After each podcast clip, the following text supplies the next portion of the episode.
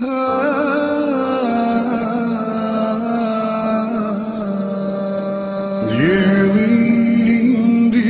elde adit Orban kat zbrast imbriçoj Në malë lartë trimat janë gjithë Shkollën e lartë. إن الحمد لله تعالى نحمده نستعينه ونستغفره ونستهديه ونعوذ به من شرور أنفسنا ومن سيئات أعمالنا من يهده الله تعالى فهو المهتد ومن يضلل فأولئك هم الخاسرون رب اشرح لي صدري ويسر لي أمري واحلل عقدة من لساني يفقهوا قولي ثم ما بعد Mi smo došli do pitanja zaruke. Ona šteće? Pitanja zaruke.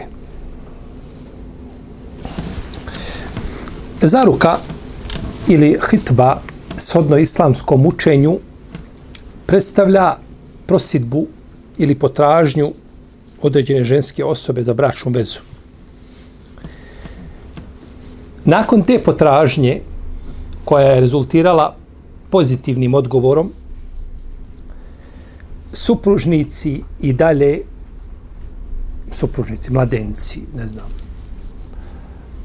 ostaju stranci, nisu oni supružnici, budući supružnici, koji možemo tako nazvati, ostaju stranci do zaključenja bračnog ugovora. Znači, sama prosidba je samo izražavanje, je tako, želje nekakve ili, ili ovaj, a, a, za, jeli, za bračnom vezom, u protivnom, a, oni još uvijek su, znači, stranci i nisu, znači, samom željom za brakom nisu a, a, zaključili, znači, bračni ugovor. I ova e, e, zaruka je hitba, ona je mubah kod većine islamskih učenjaka. Zato što uzvišeni Allah zaođel kaže nije vam grehota ako tim ženama na znanje date da ćete ih zaprositi. Ili ako to svojim dušama krijete. Pa e, prosidba je kod šafijski učenjaka, to je sunnet. Kod ostali učenjaka je šta? Muba. Znači, šta znači muba? Ako bi se dozvoljeno, ako bi se zaključila bračna veza bez prosidbe prethodne, nego svrata i direktno sa Efendijom i napravili ugovor bračni. Zaključili. Ispravno. Nije prije toga bilo ništa ovaj zaruka nikakva nije se nešto posebno pričao, nego došao, ja došao da se ženim. Jesi došao? Hajde, bismillah, ulazi. Prosac kao ti ne može biti vraćen. I odma oženi se. Nije problem. Čak i šuko šafijski učinjaka koji kažu da je sunnet, takva bračna veza je šta? Ispravna, ali je ostavljeno nešto što je bilo bolje da je, jel tako, ovaj, da mu se pristupilo, a to je šta? A to je sama zaruka. A,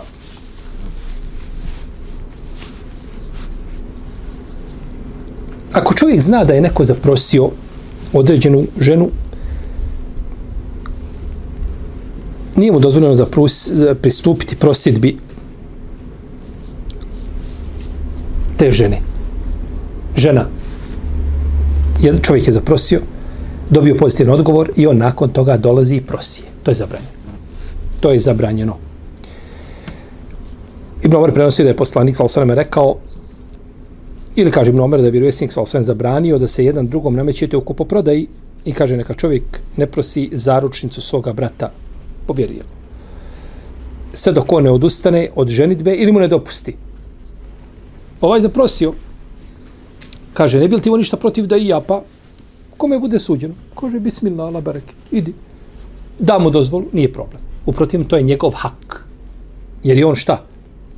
Prethodio njemu, je tako? Prije njega zaprosio i to je njegov hak, pa nema pravo, znači, da pristupa prosidbi u tom slučaju.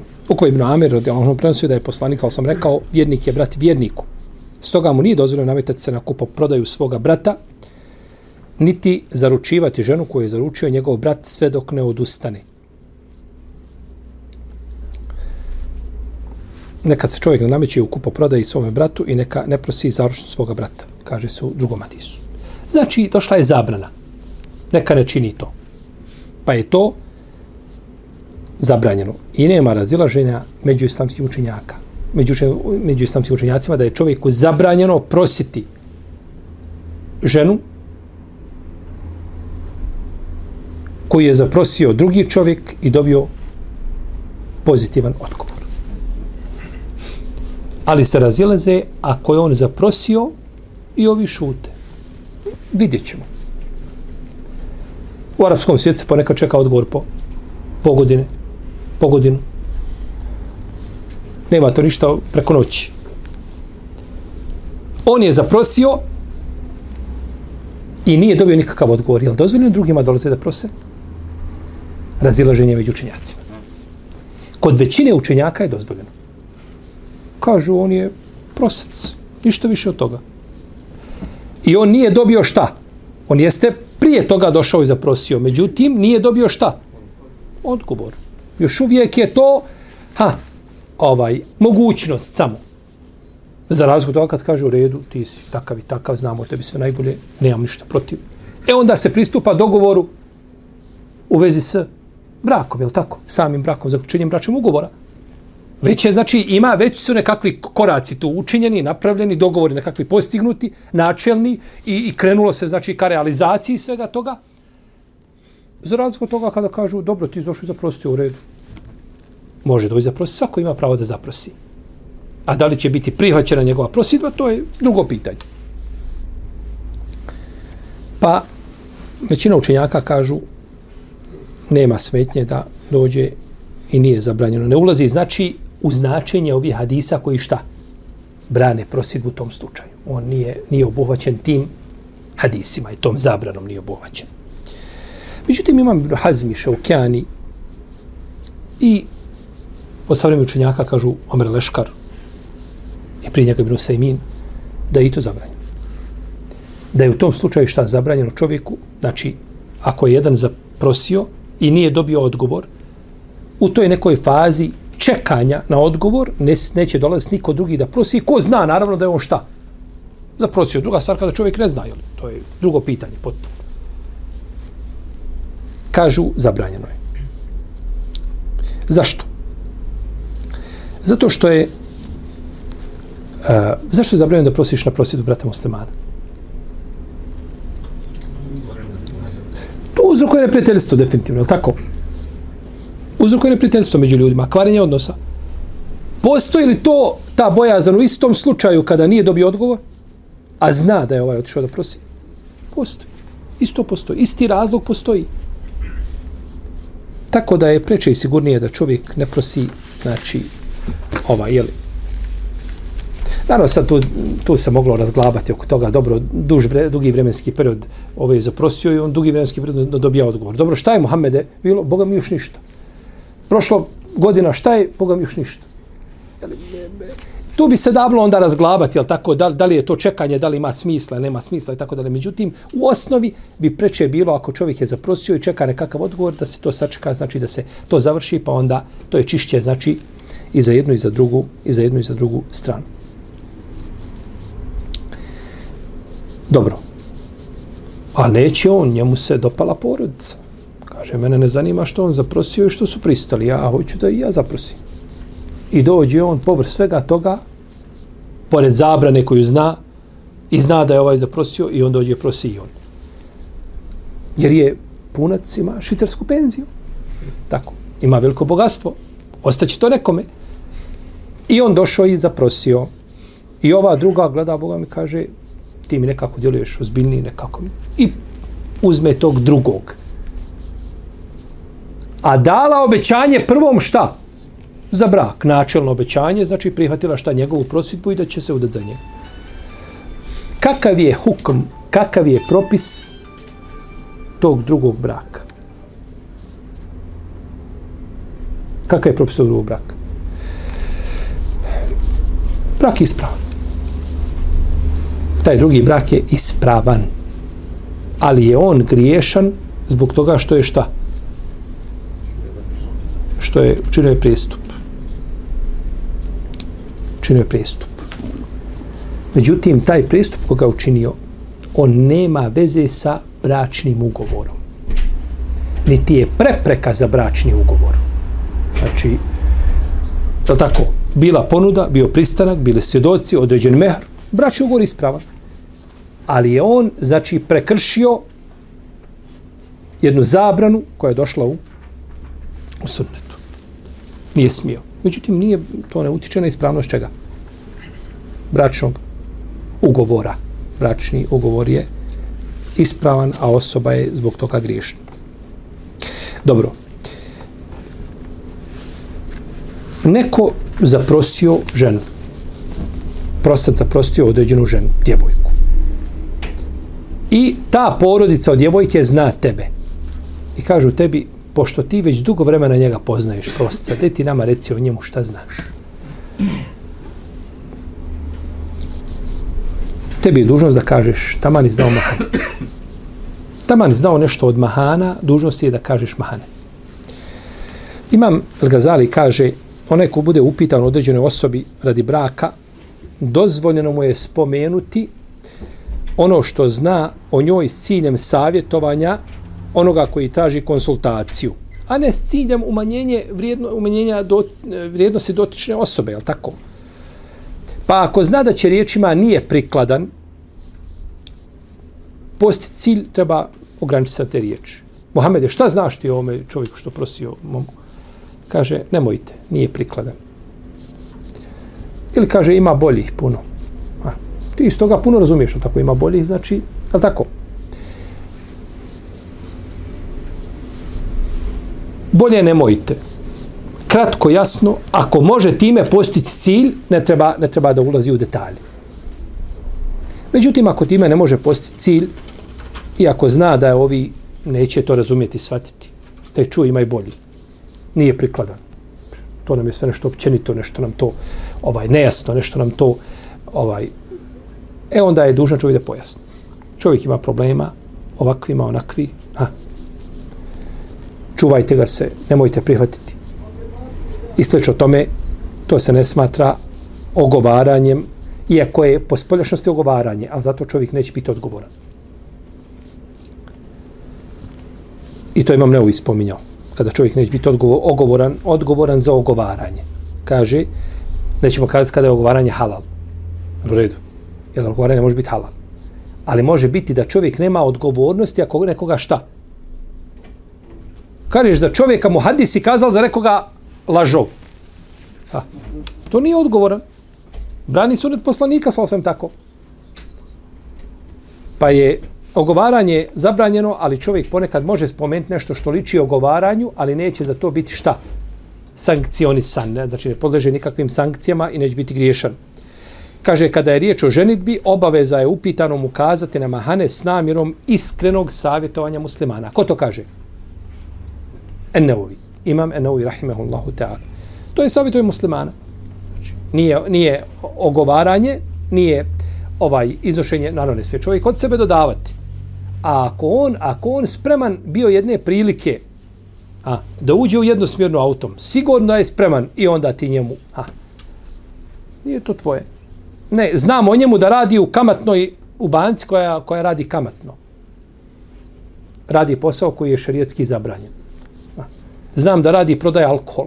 Znam da se bavi nekakvim mutnim poslovima. Znam da ima dosije kod policije na 2000 stranica. Ovaj. Kazati ono što je znači o prostcu ako znaš. I ne prelaziti znači tu granicu. Kada je Fatima bin Kajs htjela da se uda, spomenula je poslaniku, sal sve je Buđahma i Muaviju i spomenula je Zejda. U samu Ibn Zaida. Pa je rekao poslanik, što tiče Ebu Džehma, kaže on udara žene. A što tiče Moavije, kaže nema i. Udaj se, kaže, za Usam. Pa se udala za Usamu, pa je uzvišena dao bereket u tom braku. Isto tako nema smetnje da čovjek pogleda i vidi zaručnicu prije braka. Prije zaključenja bračnog ugovora. I taj postupak se smatra sunnetom kod većine islamskih učenjaka. Neki kažu da je muba, u svakom slučaju nema smetnje. Kaže Ibn Kudama, nema razilaženja da je zaručniku dozvoljeno pogledati u lice zaručnice, budući da je u licu odraz ljepote.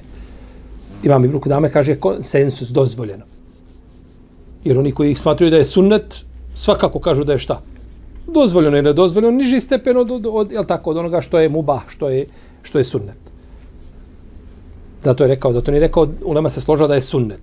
Nego kaže, ulema se složila da je dozvoljeno. Pa su riječ učenjaka precizne. Znači, učenjaci, mi prijetovno toga kazali, razilaze se učenjaci, jednu kaže da je mubah, drugi kaže da je šta?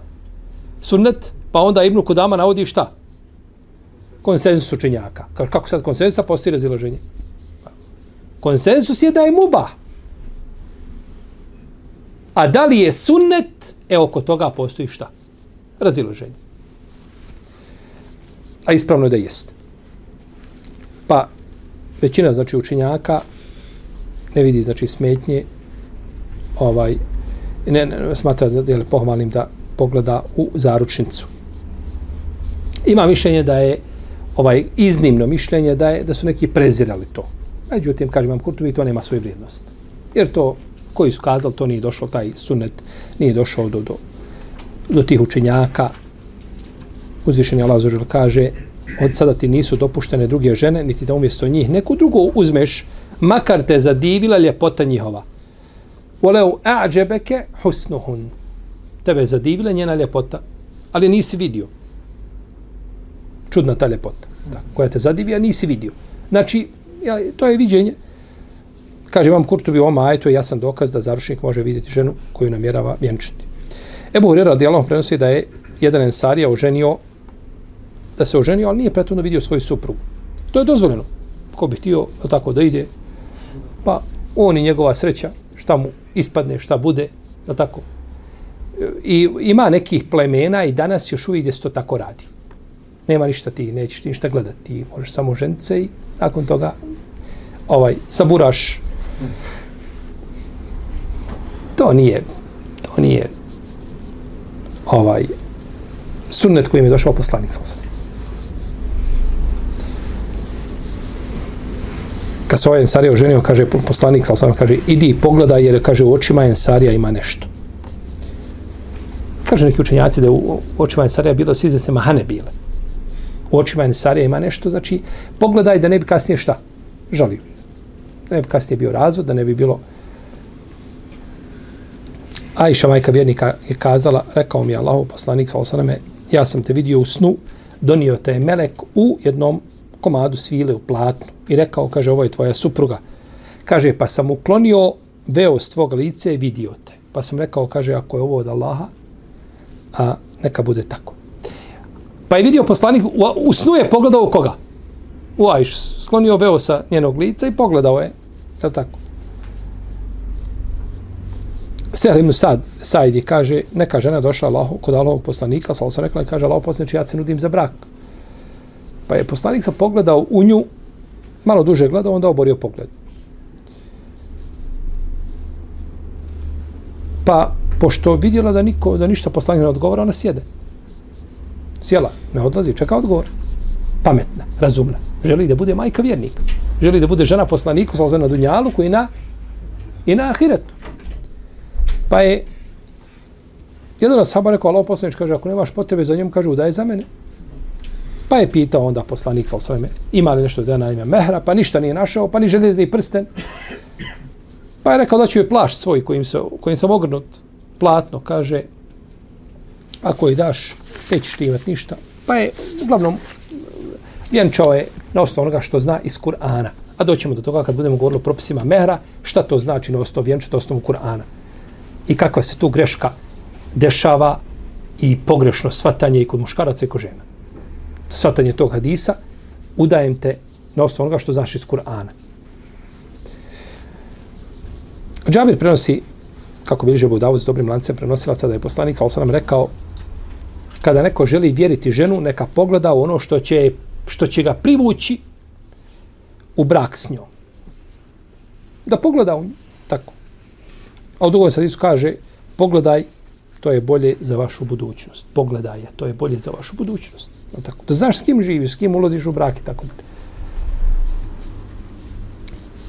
Mohamed ibn Meslama kaže, kako bilježi Ibn Mađe u sunanima s dobrim lancem, ako Allah otvori srce nekom od vas da zaprosi određenu ženu, nema smetnje da je pogleda.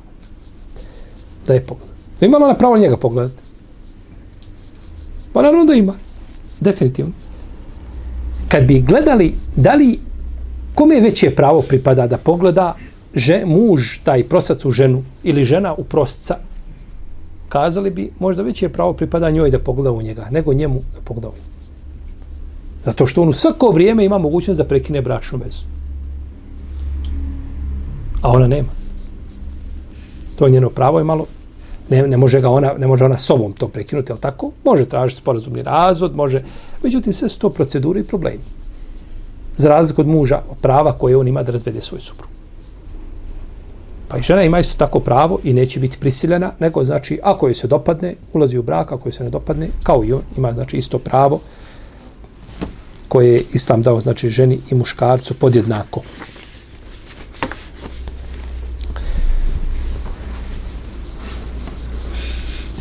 Šta je dozvoljeno njemu da vidi od tijela žene? Kazali smo da može vidjeti da to nije problematično. Međutim, šta može vidjeti od tijela žene? Predmet je razilaženje među učenjacima. Nema razilaženja među njima da može vidjeti lice i šake. Oko toga nema razilaženja. Ono što žena otkriva kad ide napolje kod većine islamskih učenjaka jer većina islamskih učenjaka smatra jel, da je pohvalno, kažemo, otkriva. Bolje kazati što većina islamskih učenjaka ne smatra obaveznim da žena pokrije. Tako ispravni reći. A, lice i šake.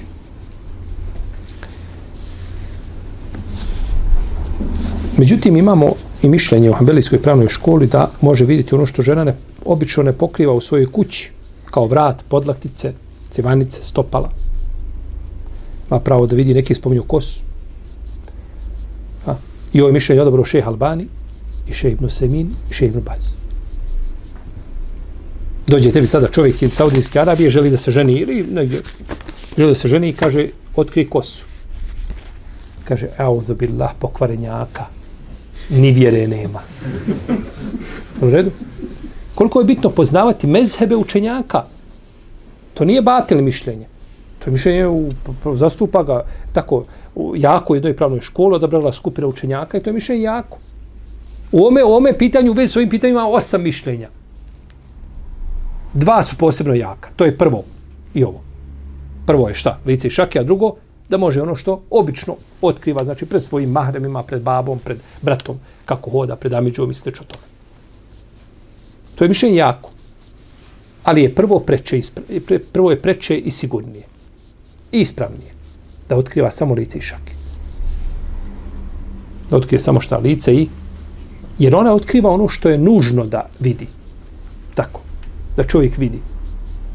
Da muž ima pravo tako da pogleda i da vidi a neće otkrivati avret koji se jel tako ne smije vidjeti bez razilaženja među učenjacima poput tako podlaktica poput kose kosa avret žene ko svi učenjaka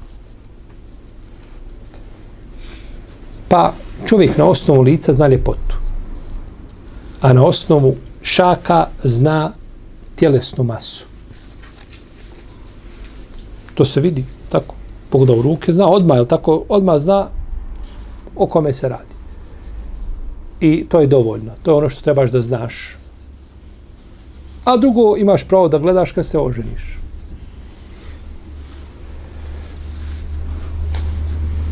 I tako žena, žena, žena, žena čuva svoju ovaj čast, čednost. Ja došlo je deset prosaca, svakome ona pokazala i kosu i ovaj, što jednom se sviđa da pada da vidi ovako, drugom ovako, trećem ovako. Ne, imaš lice i šake, to imaš pravo da vidiš što je tvoje. I to je ispravnije mišljenje stav većine pravnika, rahimahumullahu ta'ala, a kažemo ovdje ima opet osam mišljenja. U prethodnim hadisima se preporučuje muškarcu da pogleda znači u ženu, ali nije određeno definitivno šta. Pa treba se ograničiti na minimum. Isto tako nema prepreke da pogleda u, u mladu više puta. Jer prvi put kada pogleda uglavnom se ne može doneti definitivna odluka. Znaš što ako je to negdje, ha, na nekakvoj vazi, hoće, neće, nije to njemu, ima neko, da, ako dok pogleda, gotovo, odmah je odluka, istog momenta, u sekundi je odluka donešena. Neko, kod nekoga nije tako, pa želi da dođe dva, tri puta, nije problematično. Ali znači da se zadrži na lice i da vidi lice i šake. I nije dozvoljeno naravno tom prilikom da se osamljuje se osami sa njom, ona je strankinja. To što ti došao i ti odlučuješ, hoću i tako sve je to, to se dogovori. Možda od svega toga ništa ne bude. Pa i dalje ostaje, znači, stranci.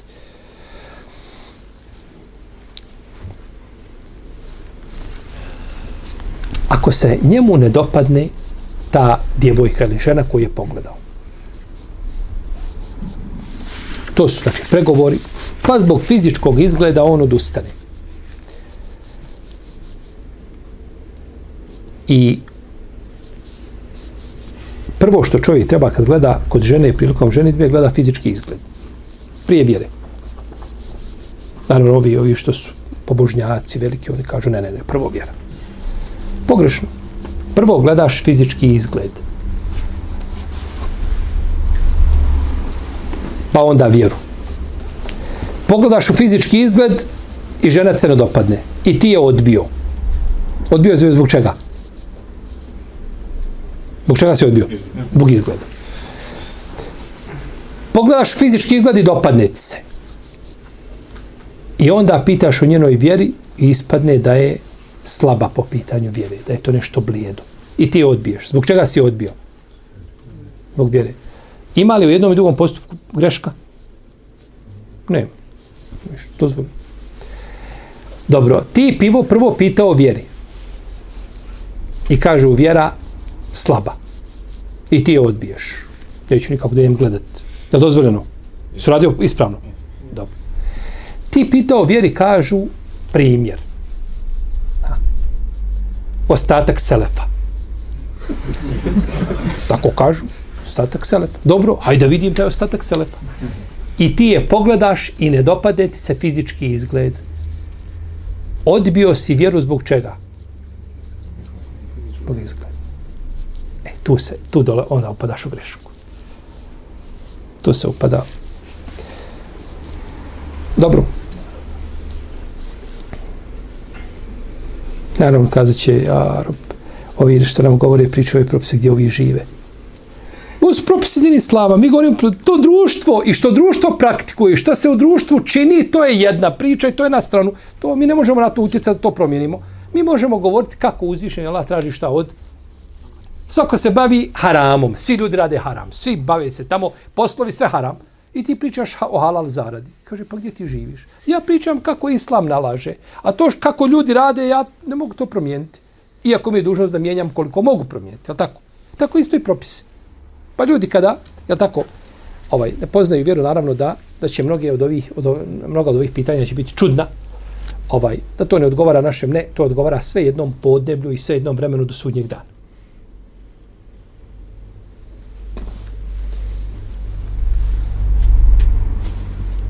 Čak kažu znači, učenjaze, čovjek ima pravo da gleda ženu, da je pogleda, i ako je ženi ženiti, iako ovaj, ne, ona ne znala mimo njene dozvole ima pravo. Jer mu je dao, zakonodavac mu je dao to šta? On je želio ženiti, ima pravo dobio dozvolu da je pogleda. Pa kažu da je dozvoljeno da je pogleda i mimo njene dozvole. Naravno, ako ima jele priliku da je, da je vidi. Kada neko želi vjeriti ženu, neka pogleda ono što će ga privući u brak s njom i drugi hadis koji govori u ovome smislu.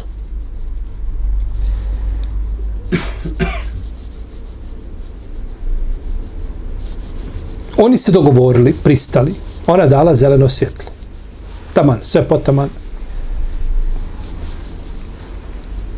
Smijeli on nju uzeti za ruku i da odu zajednički poje sladoled? Oni zdali stranci. Nema fizičkog dodirivanja stranci, nema osamnjivanja.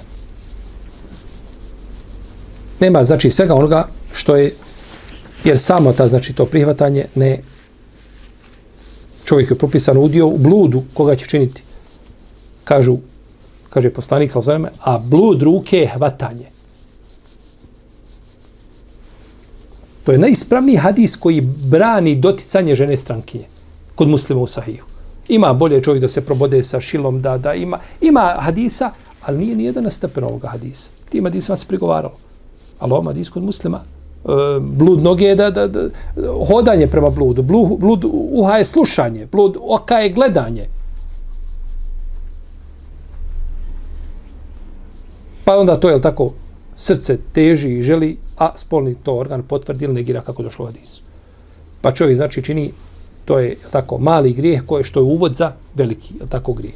Pa je gledanje, znači dodir ruke, to je o, o, o karakterizirano je u šarijetu kao nemoral, da do, dotice čovjek dotakne svojim rukom ono što ne smije šta dotaknuti. Kao što mu je zabranjeno da gleda ono što ne smije šta gledati.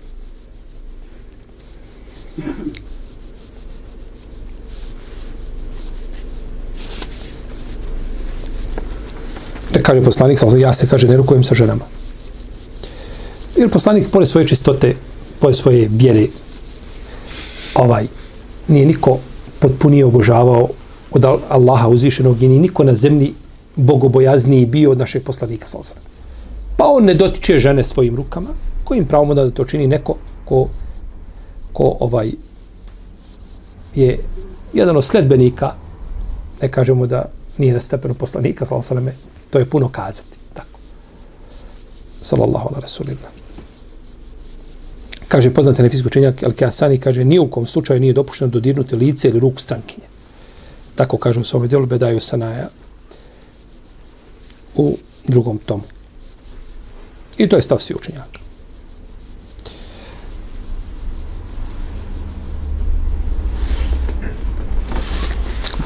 Ovo je bilo pitanje vezano za što? Za? Za zaruku.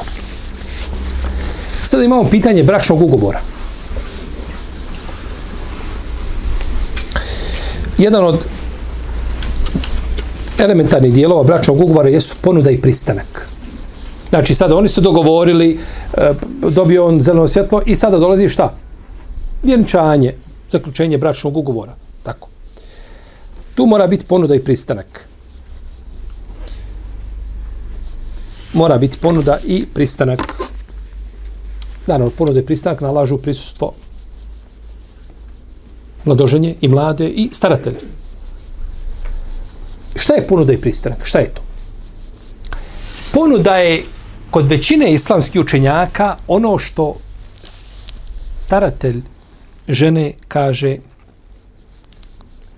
proscu, mladoženje znači riječi staratelja koje uputi oca, da kažemo ovdje konkretno babe, ili djeda, ili brata, ili amiđe, je tako, ovisno ko je već staratelj ili sina, zavisno ko je uzeo ulogu i kome pripada uloga starateljstva u tom slučaju, on kaže proscu, udao sam za tebe moju kćerku, sestru, majku, ovisno koga udaje. To je ponuda. A pristanak je ono što kaže ko? Mladoženja. Pristao sam. Prihvatio sam tvoju kćerku za šerijatsku suprugu, zakonitu ženu. Nije bitno kako god. Prihvatio sam tvoju ponudu da kaže. To je ponuda i pristanak.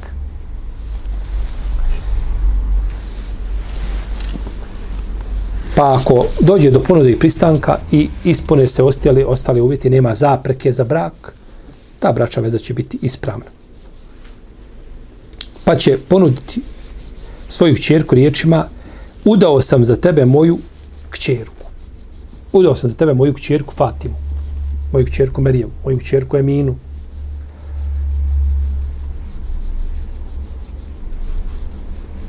Može kazati, ženio sam te mojom kćerkom vjenčao sam te mojom kćerkom. Kako god, to se ukazuje na šta? Na, na brak. Na nikjah. Kazuje na, na ničah. Nikjah je arapska riječ, mi kažemo ničah, jel tako? Stariji su govorili ničah. To je više zastupljeno dole kod, kod drugih dole, kod Torbeša i kod, oni, oni spominju tu riječ puno ničah.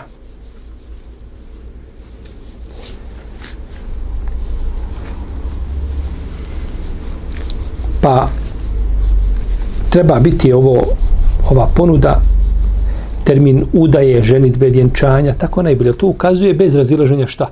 Jer kaže, dao sam ti moju kćerku Eminu. Dao sam ti moju kćerku Eminu. To se već može šta? Tumačiti. Dao sam ti ruku moje kćerke Emine. Malo je jasnije. Jer se ruka daje zašto? Za, za brak.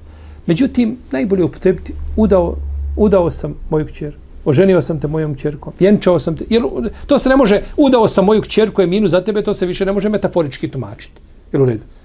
Pa nisam ja to tako razumio. Znaš ti dobro šta si, jel, ovaj, šta je time ciljano i šta si, jel, na šta si pristao. I mora biti, znači, jer u Kur'anu se tako spominje, tako, i pošto se Zeid s njom, i pošto se on živio, od nje se razveo.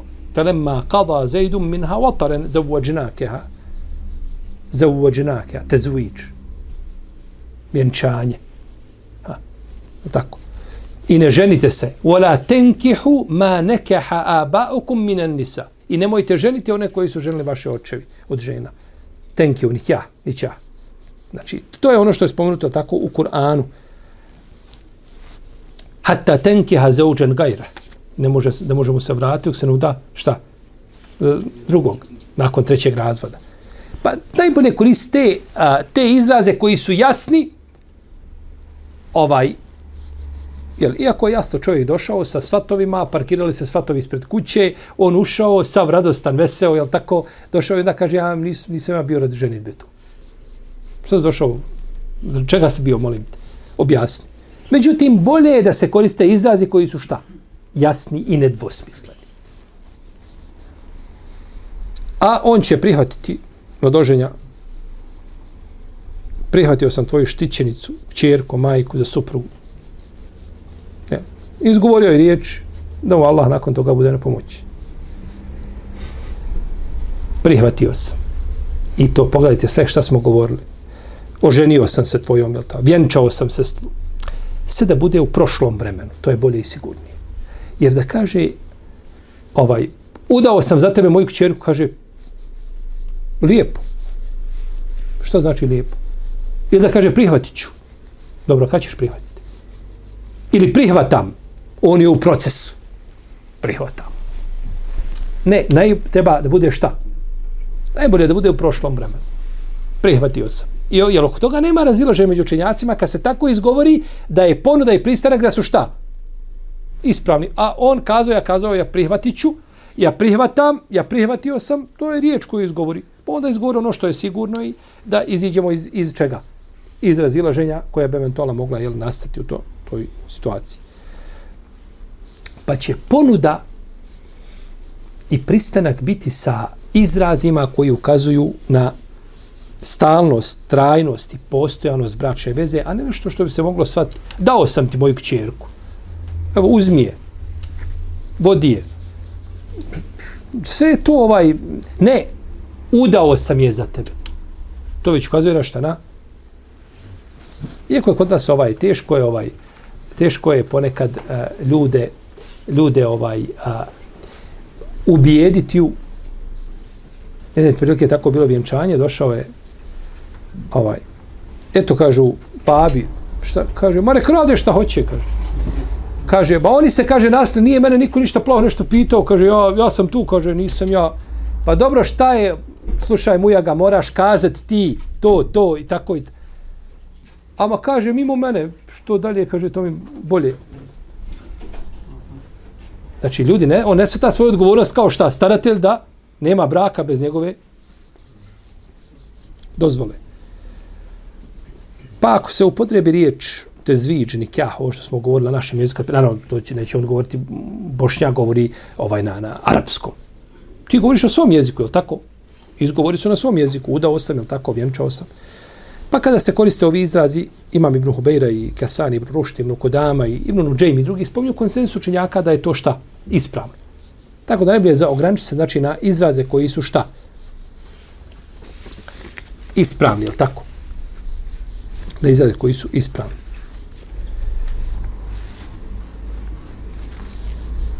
Međutim, neki učenjaci kažu dozvoljeno je koristiti sve druge izraze koji su poznati u jednom društvu koji ukazuju na šta? Na, na brak. Pa kad bi jedno društvo imala poseban izraz koje ne ukazuje ničim na brak, ali je poznat u tom društvu da je on šta vezan za brak, moglo bi se kažu i to koristiti. To je ispravno. Znači, bitno je nešto što se razumije jasno da, da se time cilja šta? Bračna veza da se pogledajte kako je islam, subhanallah, kako se islamski učenjaci posvetili, znači samom zaključenju ugovora, nema oko ugovora igranja. I onda često se dešava, ili nerijetko, zna se desiti da, ne često, bolje kazati, zna se desiti ponekad, da supružnici nakon braka kažu, dobro, kaže, išli, išli mi obnoviti bračnu vezu radi sigurnosti. Zašto? Zato što se nije ispoštovala procedura ispravno. Ima staratelj, nema staratelj. Nema staratelja. Dobro, gdje je staratelj? Šta je staratelj?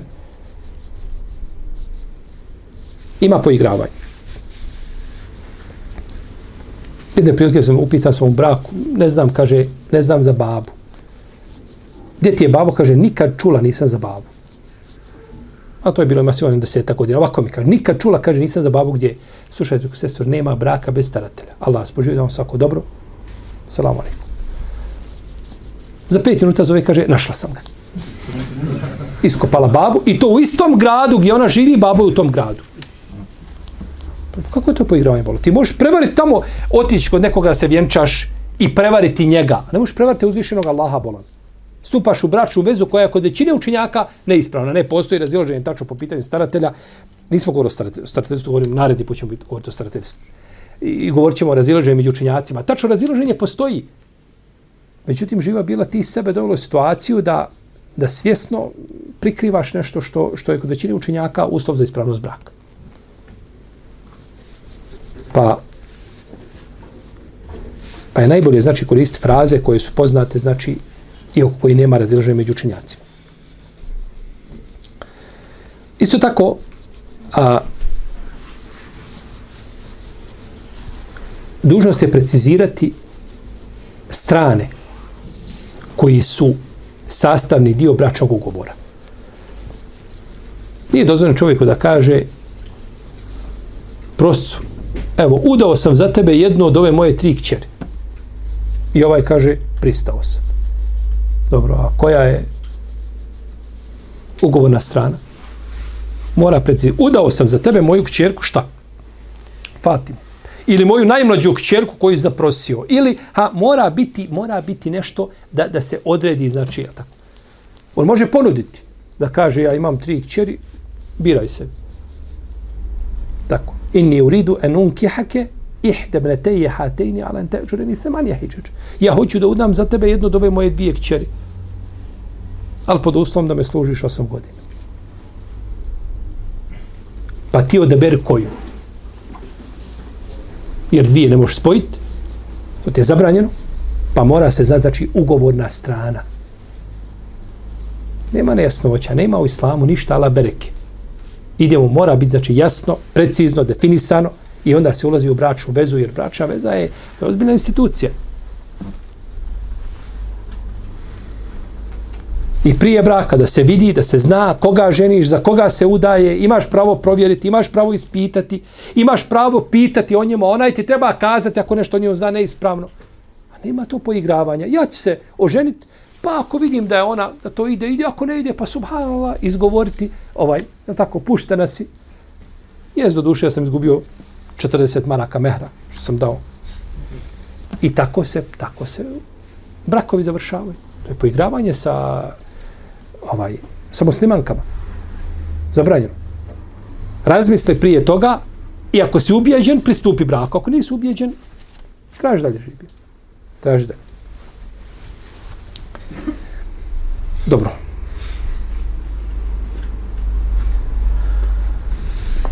Mi smo došli do pitanja starateljstva.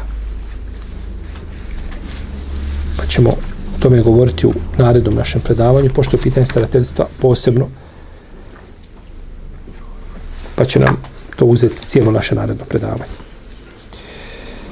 Allahu ta'ala, sallallahu alaihi wa sallam, wa ala alihi wa sahabi ajma'in.